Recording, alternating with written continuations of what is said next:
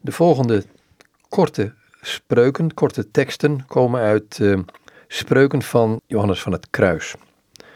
Het gaat over je naaste liefhebben. De verliefde ziel is vriendelijk, zachtmoedig, nederig en geduldig. Pas ervoor u te mengen in zaken van anderen. Laat ze zelfs niet doordringen tot uw geheugen, want misschien zijt gij niet eens in staat uw eigen taak te vervullen. Wanneer bij iemand niet de deugden schitteren waaraan gij denkt, moet ge niet menen dat hij daarom voor God niet van veel waarde kan zijn. Dat is toch mogelijk, namelijk door de deugden waaraan gij niet denkt. Doorlopend vertrouwen op God, met waardering voor wat God in ons en in de anderen het meest op prijs stelt, namelijk geestelijke rijkdom. Een ziel die in liefde leeft, maakt niet moe en wordt niet moe.